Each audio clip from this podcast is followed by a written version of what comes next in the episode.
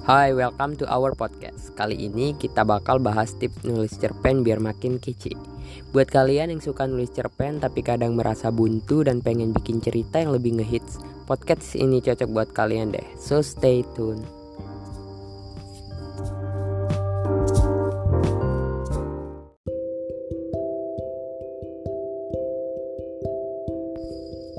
Pertama, sebelum kamu mulai menulis, pastikan punya ide cerita yang jelas dan bikin penasaran.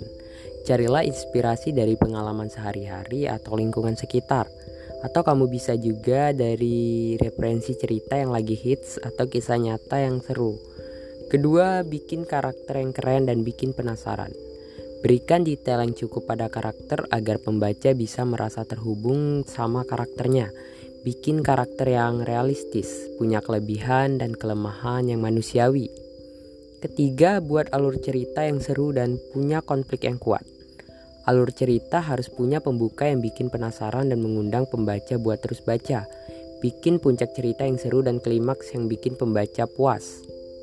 Keempat, bikin setting yang pas buat cerita kamu. Setting yang tepat bakal bantu pembaca merasa terlibat dalam cerita kamu.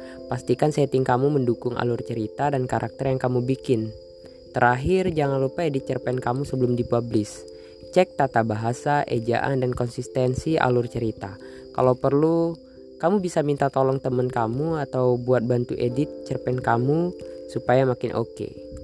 Uh, jadi itu dia tips-tips nulis cerpen yang kekinian. Semoga tips-tips ini bisa bantu kamu buat nulis cerpen yang lebih keren dan berkualitas. Thanks for listening to our podcast.